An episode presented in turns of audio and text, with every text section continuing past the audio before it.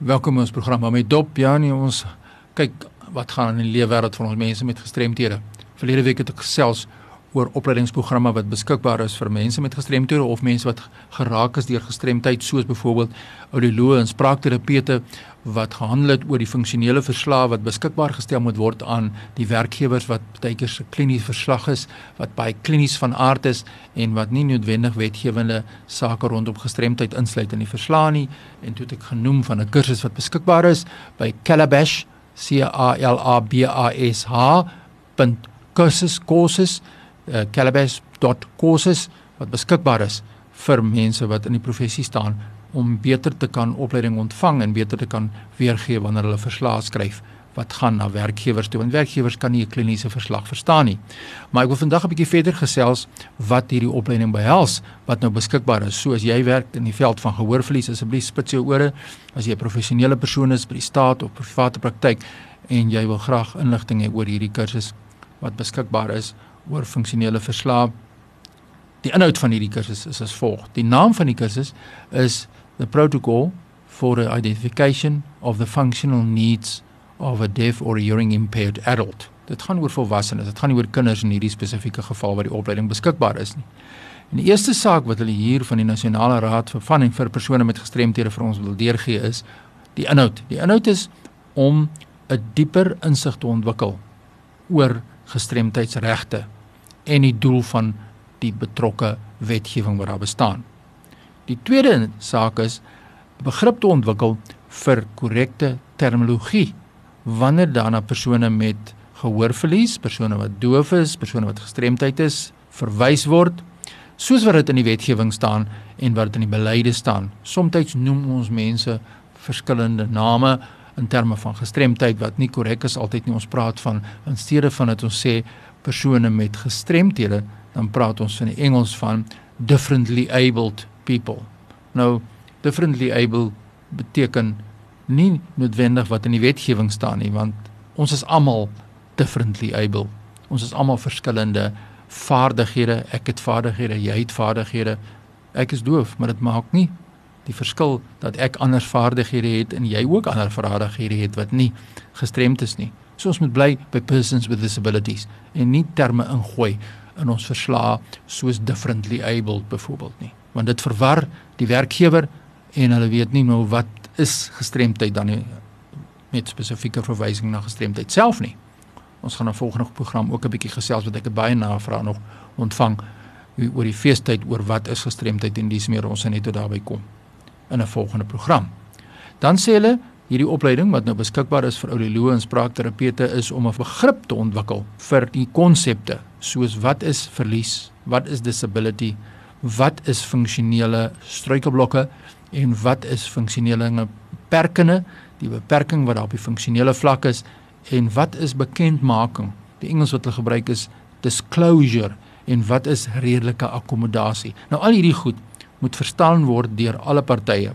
Die persoon in hierdie geval wat dan nou die spraakterapeut of die audioloog is en natuurlik die persoon self en ook die werkgewer. So hierdie opleiding help om bietjie beter begrip vir daardie tendense en begrippe te gee.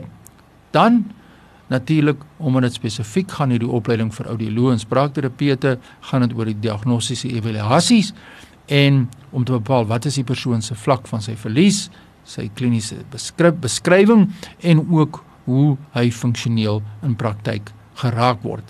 En dan hoekom hierdie funksionele verslae wat deur terapeute beskikbaar gestel moet word dan belangrik is en hoe bring mense hom in praktyk in lyn met die sosiale model.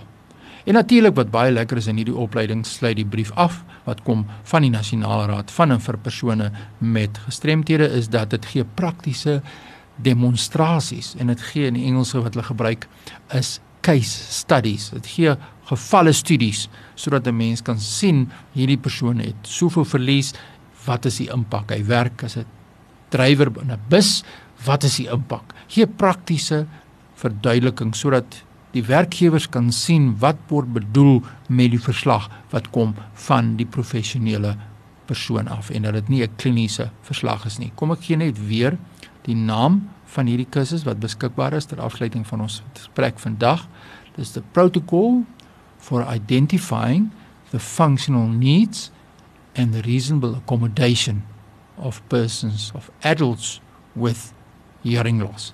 Nou, soos ek gesê het, hierdie kursus gaan nou meer gerig op die spraakterapeute en die audioloë, maar daar behoort kursusse te wees vir ander gestremthede, vir ander terapeute op dieselfde wyse want alle verslae van alle terapeute moet beskikbaar wees en moet funksioneel wees sodat die werkgewer dit kan verstaan en nie 'n kliniese verslag nie. So as jy miskien iemand is wat nou in onderhandeling is met jou werkgewer en jy sien hierdie inligting wat jy gekry het van die professionele persoon wat jou hanteer het is baie klinies van aard, kom na vore dat ons kan saam hande vat en seker maak dat hierdie verslag die, in die taal geskryf word wat die werkgewer verstaan. En dan kan jy in die werkgewer om die tafel gaan sit met praktiese voorbeelde. So, ter afsluiting. Wanneer dit kom by funksionele verslae vir die meer sigbare forme van gestremdheid, is dit eintlik baie makliker. Want as iemand in 'n met 'n rolstoel hier inkom in hierdie vertrek, kan enige persoon sien hy kan nie met sy rolstoel onder die tafel ingaan nie. So 'n aanbeveling moet wees byvoorbeeld vir iemand met 'n fisieke gestremdheid, maak die tafels hoër. Of as ons nog wil teruggaan buite die gebou, installeer asseblief 'n oprit dit is basiese aanbevelings. Maar wanneer dit kom by jou psigososiale en jou neurologiese gestremdheid, raak dinge bietjie baie moeiliker want jy kan dit nie sien nie. As iemand nou een of ander neurologiese toestand het wat 'n gestremdheid is, sien maar as epilepsie. Jy kan dit nie sien nie. Die persoon kom voor asof daar geen gestremdheid is nie, maar daar's 'n erge, miskien neurologiese gestremdheid te sprake. Ons praat van psigososiaal mense met geestesongesteldheid, mense met depressie. En daar is verslaggewing uiters uit moeilik. Ek wil graag by julle hoor stuur my e-pos om nou aan fani.dt by mweb.co.za. Miskien is jy 'n psigiater of 'n sielkundige wat werk in daardie veld. Hoe lyk jou funksionele verslag wat jy uitstuur na die persoon wat 'n werknemer is by 'n plek wat sukkel in die werkplek, maar iets moet daai persoon sê vir die werkgewer Is die verslag klinies van aard of is dit funksioneel van aard? Stuur sommer nou 'n e-pos aan my by fani.dt by mweb.co.za. Deel met ons jou uitdagings. Tot volgende keer, groete.